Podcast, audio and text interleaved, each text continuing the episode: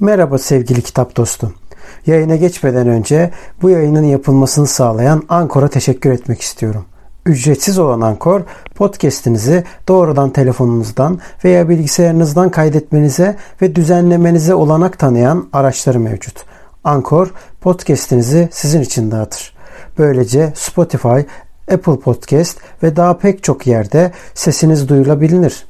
Üstelik minimum dinleyici olmadan podcast'inizde para kazanabilirsiniz. Tek bir yerde podcast hazırlamak için ihtiyacınız olan her şey Ankor'da. Yayına geçmeden önce hadi vakit kaybetmeden ücretsiz Ankor uygulamasını indirin veya başlamak için ankor.fm'e gidin. Şimdi podcast'ime geçebiliriz. Selamlar kitap dedektifi takipçileri. Ben Deniz kitap dedektifi, kitap koklayıcısı, kitaplarla haşır neşir olan ama aynı zamanda da dışarıdan bakıldığı zaman avare gezen ama aslında kitaplarla çok vakit geçiren edebiyat sever birisiyim. Ee, bu bizim ilk yayınımız, ilk heyecanımız. O yüzden yeri bir başka ve bu sebeple de yeri başka olan bir insanla yayına başlayalım dedik. Bu uğurumuz olsun. Şimdi sözü kendimi tanıttığım için ona vereyim. E, o da birazcık Eyvallah. kendini e, ben de e, bu güzel programımıza bu güzel daveti için kitap dedektifi kardeşime teşekkür ediyorum.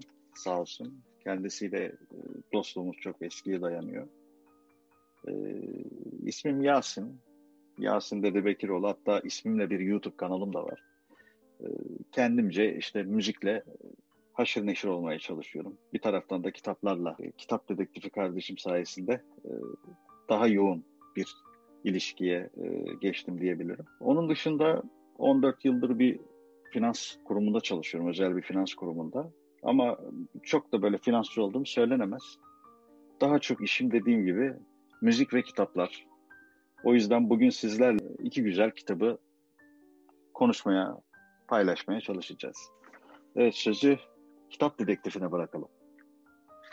Biz bugün iki tane farklı şeyden bahsedelim diye konuştuk. Birisi George Orwell'ın 1984 gayet popüler bir kitap. Günümüzü anlattığı söyleniyor. Ötekisi ise e, Google'ın ünlü Rus yazarı Google'ın e, Palto isimli kitabı. Amacımız bu iki kitabın benzertikleri ve aslında benzeşmedikleri kısımları anlatmak. Ama bir yönüyle de aslında bu kitapların anlaşılmış mı, anlaşılmamış mı yahut biz ne kadar anlamışız ya da ne kadar anlamamışız bunu birazcık münakaşasını yapmak. Amacımız bu. Umarım başarılı olabiliriz bunda. Evet sevgili kitap dedektifinin dediği gibi ilk olarak paltoyu e, konuşalım o zaman. Palto'nun bendeki anısı da şu. Kendisi bana bu kitabı hediye etmişti ve hediye ederken de güzel bir ön söz yazmış. Bu ön sözü dilerseniz sizlerle bir paylaşayım. Müsaade ederseniz okuyorum şimdi. Dostoyevski'nin yanında birçok yazar biz Gogol'un paltosundan çıktık demişlerdir.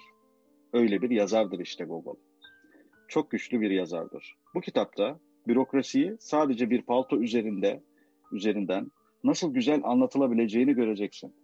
Öyle ki edebiyatın nasıl da güçlü olduğunu görüp aynı zamanda sadece Anadolu'dan değil, dünyada hiçbir şeyin değişmediğini göreceksin.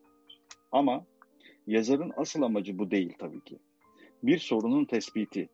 Aynı Nazım Hikmet'in Yusuf ile Menafis'teki ilk sahnesi gibi. Yani Yusuf'un ilk isyancı Menafis'i öldürdüğü o anda bile Yusuf'un adamına dönüp ölmüş mü diye Yusuf'u gösterdiği gibi. Umudu gösterdiği gibi. Umut hep var ama önce sorun ne ona bakalım. Tabi burada eski mahlasıyla çaylak eleştirmen yazıyor. Ee, şimdiki kitap dedektifimiz. Sözü sana bırakıyorum. Teşekkür ederim. Ee, aslında bizim bu bu söz bu sözler daha doğrusu sen yazdıktan sonra benim aklıma gelmişti. Ee, dolayısıyla da birazcık böyle şey yaptı. Ee, ne kadar uyuştuğunu anlattığımız, anlatacağımız şeylerle ne kadar uyuştuğunu gösteren bir şey oldu. Evet. Tarih 2017 bu arada. Ee, pardon 2018. Bu kitabın bana geldiği tarih. Yani 21'i eğer bitirmedik ama o yüzden ya daha yeni başladık ama neyse bunu saymayalım. Yani iki sene geçmiş. İki evet. sene önce bugünkü programın mı yazmışız oraya diye düşündüm. Yani. ee, şimdi Google'dan ben Google'dan bir başlamak lazım bence bu mevzuyu anlamak için. Yani benim biraz tarzım şöyle. İlk başta yazarın kendisini bir tanımlamak, her zaman için kitabın evet. neden yazıldığını, hangi koşullarda yazıldığını, nasıl bir iç dünyayla karşı karşıya geldiğine dair güzel bir e, şey olduğunu düşünüyorum. Kitaba perspektif açtığını düşünüyorum. Evet. O yüzden e, şimdi Gogol nasıl bir insandı, neydi, ne yapardı, ne düşünürdü, ne yerdi, ne içerdi bunlara bir bakmak lazım.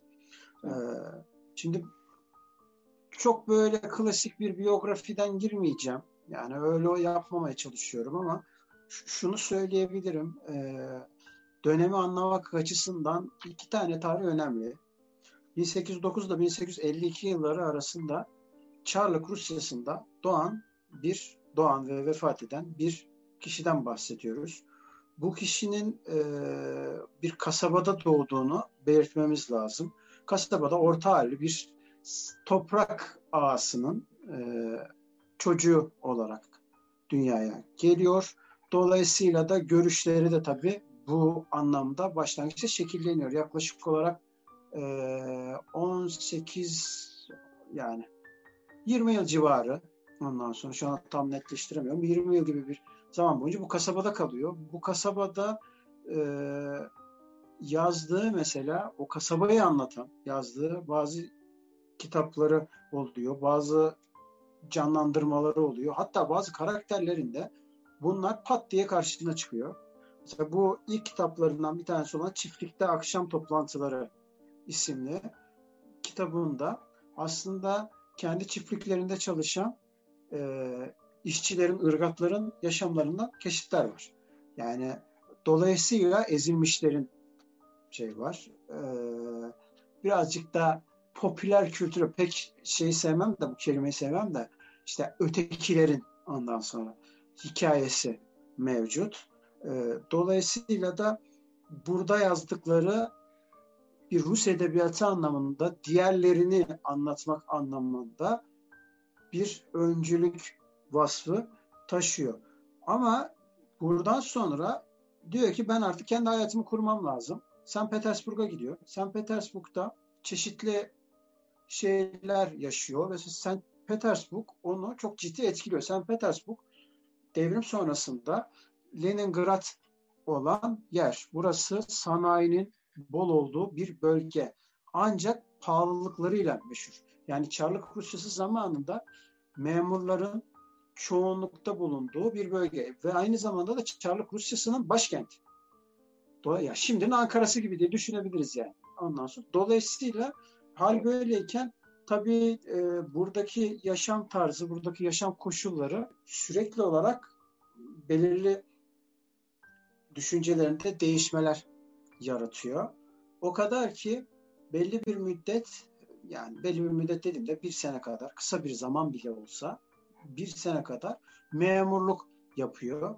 Burada o sırada o kastı, o kast sistemini, o memurlar arasındaki o rekabeti, o küçük görmeleri, o özellikle kullanıyorum bunu. Google deyince aklına burun gelir hep insanların aklına. O burunun kalkmasını ondan sonra e, çok bariz bir biçimde görebiliyoruz. E, dolayısıyla da bunlardan çok fazla dersler çıkartıyor bu derslerden de yazılarına döküyor. İşte Palto'da bu yazılardan bir tanesi. Ama Palto'dan önce yazmış olduğum müfettiş kitabı aslında bu bürokrasi, bu kast sistemine ciddi bir muhalefet içeriyor.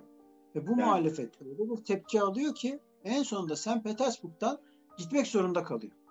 Yani bu fiziki bir baskıdan bahsetmiyoruz. Ama Buna rağmen bir psikolojik ciddi bir baskı oluyor. Burjuvazinin evet. hoşuna gitmeyen şeyler oluyor. Ee, ve bu bundan dolayı o şehri terk etmek zorunda kalıyor. Terk ediyor ama yine parasızlıktan geri dönmek zorunda kalıyor vesaire falan. Bu sırada da bu gitmeden önce de kendini Pushkin'le bir şekilde şey yapmaya çalışıyor, iletişime geçmeye çalışıyor. İletişime geçmeye çalışırken defalarca denemeler yapıyor, ulaşamıyor bir şekilde bir sürü atraksiyonlar en sonunda ulaşıyor. Ulaştıktan sonra Pushkin yazılarını beğeniyor ve diyor ki sen şunları şunları da yazmalısın, bunları bunları da yazmalısın vesaire. Onları yazmaya başlıyor. Doğduğu kasabadaki Kazak kültürünün çok yoğun olarak e, bulunmasından dolayı da kendisi bir Kazak destanı olan sayılan daha doğrusu Taras Bulba isimli bir eser yazıyor. Bu ciddi anlamda Kazakların bir savaş sırasında yapmış oldukları kendilerine göre destansı bir hikayede e, öncülük yapan Taras Bulba'nın hikayesi oluyor. Bunun içerisinde nispeten de olsa Taras Bulba'nın çocuğu olan, iki çocuğundan bir tanesi olan, komutanlardan bir tanesi e, bir noktadan sonra karşı cepheye geçiyor. Onun aşk hikayesi de yer alıyor. Öte yandan da öbür efsanevi dövüşme sahnelerinde, vuruşma sahnelerinde, cephe sahnelerinde görebiliyoruz. Dolayısıyla da bir realist yazar aslına bakarsan. Yani evet, gerçekçi belki bir... de evet gerçekçi aynen toplumsal gerçekçi yazar olarak söylüyorlar. Zaten o bir klişe e, cümle var. Hani herkesin kullandığı aslında çok kült bir sözdür bu. Klişeden de ziyade işte hepimiz Dostoyevski'nin sözü. Hepimiz Gogol'un paltosundan çıktık. Sözünün evet. tam karşılığı ondan sonra e, aslında öylesine söylenmiş bir söz değildir bu. Yani onu aslında farklı görüşlerden gelmelerine rağmen çünkü Gogol'un kendisi bir yönüyle bir devletçi yanı vardır. Yani bürokrasiye karşı gelir ama bürokratsız bir devleti hedefler. Ötekisi yani Dostoyevski'nin kendisi Çarlık Rusyası'na tamamen karşı e, ve ateist bir kökten gelir. Neden ateist olduğunu belirtiyorum. Çünkü Gogol'un kendisi özellikle e, ölümüne doğru olan kısımda en son az önceki bahsettiğimiz baskılardan dolayı deliriyor. Yani resmen deliriyor yani. Ve bu e, kafa karmaşıklığı diyeyim, kafa karmaşıklığı halindeyken en nihayetinde sonunda bir papazın peşine, radikal bir papazın peşine takılıyor. Ee, önemli olan, en önemli yazarlarından bir tanesi olan Ölü Canlar kitabının ikincisini yazdığı zaman papaz karşı çıkıyor, papazın sözünü dinliyor, yakıyor hmm. şeyi. E, o kitabı yakıyor, günümüze ulaşmıyor maalesef. Hatta yardımcısının yani hizmetlisinin e, ne yapıyorsunuz yapmayın öyle bir şey falan demesine rağmen onu hiç dinlemeden yakıyor. Hatta o yakıldıktan 10 gün sonra da vefat ettiği söylenir.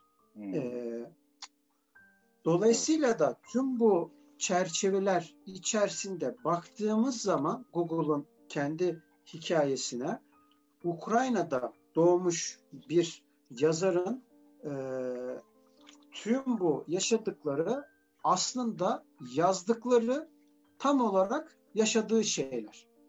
Evet. Dolayısıyla Gayet yazarın de, dediği... basit bir üslupla zaten anlatıyor. Hani kitap e, aynen. Aynen. Yani hani olay örgüsü şeyi basit yani. Yani e, şeye çok benzer. Aziz Nesin'e çok benzer bu yönüyle. E, baktığın zaman şunu çok net görebiliyorsun.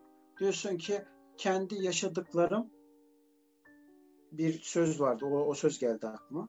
Benim yaşadıklarım diyor yazdıklarımın dahisidir. Yani ne kadar doğru. Yani bu tam olarak bir yazarın hikayesidir bence. Yani, yani aslında bu, bu, bir da, okurken hikayesi. bunların bir gerçeklikten e, çıktığını hani tabii, algılamak tabii. kolay oluyor açıkçası. Yani yüzden, ben hani bir, bir nefeste okudum diyebilirim bu kitabı. Evet, evet. Zaten az bir sayfa. Bir 40 sayfalık. Evet. Ama çok şey. şey anlatıyor tabii ki. Ama e, anlattıkları kesinlikle günümüzü de aydınlatan kesinlikle, şeyler. Kesinlikle. Kesinlikle. Zaten burada e, bürokratik e, şeyden bahsediyor. Bir önceki e, kitabında da işte rüşvetçilik ve rütbe sevdası e, üzerinde e, durduğu bir nokta. Yani burundan sonra palto aslında bir devamı gibi bir şey. E, bana göre. Tabii ki bu benim düşüncem. E, ama gayet e, sadelikle her şeyi e, anlaşılır kılıyor yani kitap. Yani şeye bakıyoruz mesela hikayenin gerçekten çıktığı yere baktığımız zaman çok enteresan bir şey çıkıyor. Bir yazar nasıl bakar aslında çok güzel bir açı yani. Bir yemek baloda galiba bir baloda arkadaşları konuşurken bir tüfek macerasını anlatıyor.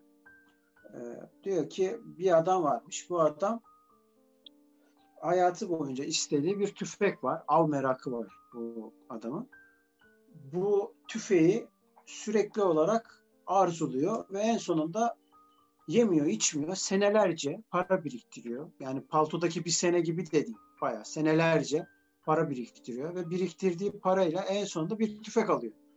Ve tüfeğe ava çıktığı daha ilk gün nehre düşüyor ve tüfek kayboluyor. Bana bu şeyi Değil hatırlattı. Bu sözünü balla kestin diyeyim. E, aynı Sarı Mercedes filmi. Gerçi o da bir uyarlama film tabii ki de. Oradaki evet, bütün evet, yani evet. arkadaşının sağlık raporuyla Almanya'ya gidip işte bir Mercedes alıp geldiğinde her şeyini kaybetmiş bir şekilde. E, evet. Geri dönmek zorunda kalıyor. Dönüyor mu artık tabii ki o kısmı bilemiyorum. Aynı çok benzer evet. şeyler var yani kendi e, şeyimizde, edebiyatımızda da. Yani bu bu hikayeden sonra arkadaşları şeyi çok e, kendi aralarında para topluyorlar, üzülüyorlar bu duruma.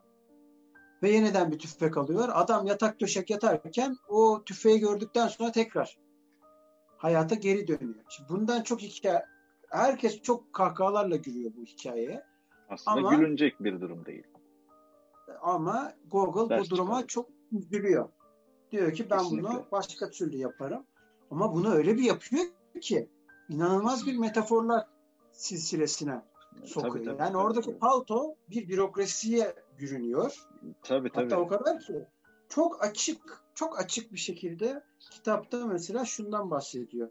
Yolda giderken en son öldükten sonra ve hayalet olduktan sonraki kısımda giderken yolda bir e, kendini azarlayan rütbeli bir memur onun paltosunu çıkartmasını söylüyor memura. Paltosunu çıkartmasını söylüyor. Memur da bir şekilde paltoyu çıkartıyor. Ondan sonra çıkarttıktan sonra o halde o St. Petersburg'un bir de özellikle St. Petersburg'un soğuğunda o ayazı yiyip evine giderken inanılmaz üzülüyor, korkuyor. Ama en nihayetinde de o artık şeyden arınmış bir halde e, o bürokrasiden arınmış bir yani bürokrasi gidince kendisi yaşayamayacağı için inanılmaz tir tir titriyor. Peki oradaki soğukluk ne? Oradaki soğukluk bürokrasinin soğukluğu. Kürk ne? Kürk de bürokrasinin ta kendisi aslında. Evet. Aslında yani eski metafor var. Tabii tabii. Yani ilk hatta terziye gidip yalvarıp ya bunu tamir edelim. Hani yamanır bir yamarsın falan. Bunun yama tutacak bir tarafı kalmamış diyor. Yani gerçekten hani artık o metaforun dibi diyebiliriz yani orada hani gerçekten çok e, dahice yani orayı çok derin yakalamış. Yani bu bir yıl boyunca memurluk yapması aslında ona çok şey katıyor. Kesinlikle. Aslında kesinlikle. O kadar çok şey katıyor ki yani birebir dışarıdan gözlemlediklerini birebir artık görmeye başlıyor. Yani, Bunu yaşıyor. Ve bence kendi hayatını anlatmış bile diyebiliriz. Yani çünkü mesela ya, yazı yazarken bence de, bence de. Yani yazı yazarken e, Akaki Akikeviç baş karakterin adı. Onun kendinden geçmesi mesela yani bence çok apaçık bir biçimde Google'un ta kendisi. Hayaller kurması yani, yazı yazarken. Halbuki ya, temize geçiyor sadece. Tabii yazı tabii, tabii, tabii, tabii, tabii. Tabii tabii tabii tabii. Bunun yanında 400 rubleden mesela çok Kemal Sunal'ın o sahnesi gibi resmen 400 ruble e, alırken yani 400 ruble gibi bir rakam tam rakamı vermiyor. Hatta ironi e, ironi değil pardon dalga geçmek için bile şöyle diyor isim vermeyeceğim diyor ısrarla mesela. Hangi devlet dairesi olduğunu ismini vermeyeceğim. Hangi evet. devlet memuru olduğunu da ismini vermeyeceğim. Burada tek bildiğimiz baş karakterin isminin e, Akaki Akakevich'in olduğu. Onun haricinde geri kalan bir de Terzi'nin ismi var. Terzi'nin evet. eşinin ismi. Aslında üç tane isim var. Onun harici kimsenin ismi yok. Dolayısıyla e, geri kalan tamamı aslında bir teşhir haline dönmüş. Yani diyor ki isim fark etmez zaten sonuçta hepsi aynı yere çıkıyor. Yani o yüzden şöyle bir şey de çıkıyor. Yani burada bu kitabı mesela defalarca okusan yeni bir şey yakalayabilirsin. 4-5 katlı anlamı olduğu çok net zaten. Yani herkes bir e, yorum e, yapıyor. Tabii ki herkes kendi şeyler ama içerikteki tabii muammalar, işte şeyler, çekinceler vesaireler, e, korkular hepsi aslında bir palto üzerinden ne kadar da güzel. Ve o bürokrasi şeyini edindikten sonra işte ya sen bunu çalmışsındır kesin gibi bir bakış hissediliyor aslında. Yani hani nasıl yaptırdın sen bunu ya falan filan. Hatta işte onu kandırmaya çalışması. Ya işte cumartesi giderim işte birazcık kafası güzel olur da eline biraz işte e, şimdi şeyi hatırlayamıyorum tam. E, para sıkıştırırım işte o da zannedip verir ya da yapar gibi düşüncelere e, hatta itmiş kendisini. Yani gerçekten bürokrasiyi e, bayağı bir özet geçmiş şu küçücük kitapta. Evet. Ama çok büyük. Aynen. Ya Aynen. 1984 ile de e, burada bazı bağlantıları var aslında. Hani bağlantısı birebir tabii ki yok ama yani hemen hemen ikisi de bir bürokrasinin, bir baskıcı şeyin e, ne hale getirdiğini insanları e, özetliyor yani. E, bunu okurken aklımdan da hep Cem Karaca'nın parka şey geliyordu, hmm. parçası geliyordu. Evet. Ne kadar çok benziyor diye. Evet, kesinlikle. Belki de Google'ın o e, kitabından esinlenmiştir diye düşünüyorum. Olabilir. Olabilir. Yani bu tabii ki kendi rahmetli bu konuda hiç bilmiyorum denk gelmedim. Belki de konuşmuştur. Çok röportajlarını izledim ama e, bu konuda hiç söz ettiğini hani denk gelmedi ama dediğin doğru. E, şimdi sen söyleyince daha da dikkatimi çekti açıkçası. Yayından sonra bir dinlerim tekrar. Şeyde e, bir de Emel Özola'nın Nasıl Ölünür isimli bir eseri var. O eserde şey vardı. Üç tane farklı sınıftan kişilerin cenazelerinde neler olduğuna dair. Şeyde öldüğü zaman e, Akakiyeviç öldüğü zaman en sonunda işte bir doktorun bunun parası şu ağaca yetmez bilmem şu ağaçtan yapmak daha ucuza gelir tabutu yaptırmak diye ev sahibesine nasihatte bulunması bence durumu çarpıcı duruma getiriyor. Yani artık her şey para. Peki neden hayalet oldu? Fantastik. Nasıl bu hale döndü? En sonunda hayalete döndü bu iş. Nasıl oldu bu? Falan diyorlar mesela. Orada aslında kendi de söylüyor. Diyor ki zaten e, bu olay diyor fantastik hale nasıl geldi? Ama diyor durum bu şekilde. Hayalet olan da sanki Marx'ın bir hüyela dolaşıyoruna döndü yani. Hı. Ya zaten ama burada... ama öyle değil tabii ki. Tabii ki öyle. Ya çünkü ya, ölmüş tekrar nasıl dirilir falan. Hayır. Rahatsız tabii. ediyor. Aslında işte zaten e, sahne gibi. Yani burada da zaten işte bu kitabın e, sonunda bir işte yorum var. Hani kitapla ilgili görüşler vesaireler. E, burada zaten e, mesela Terzi de bir şeytan gibi aslında düşünmüş. Örnek veriyorum burada öyle yazmış yani. Evet. E, paltoyu satın almaya ikna eden tercih suretinde belirmiş bir şeytan diye burada yazıyor. E, yani gerçekten hani dediğim gibi az önce de söylediğim gibi derin anlamlar çıkarılabilir burada. Yani bu kitabı defalarca okusam sıkılmam muhtemelen. Yani günümüzdeki yansıması da tabii ki bir asgari Kesinlikle ben e, açıkçası okurken yani nedense hep kitaptaki tarihte kalmıyorum. Yani e, günümüzde sanki olaylar sanki şu anda yaşanıyormuş gibi. Yani o günle bugün arasında çok büyük bir zaman farkı var hani bakınca. Ama değişen hiçbir şey yok gibi geliyor insana.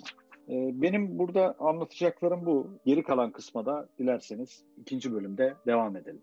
Evet. Ağzına sağlık. İkinci bölümde görüşmek Kitap üzere. Kitap Dedektifi. Görüşmek üzere.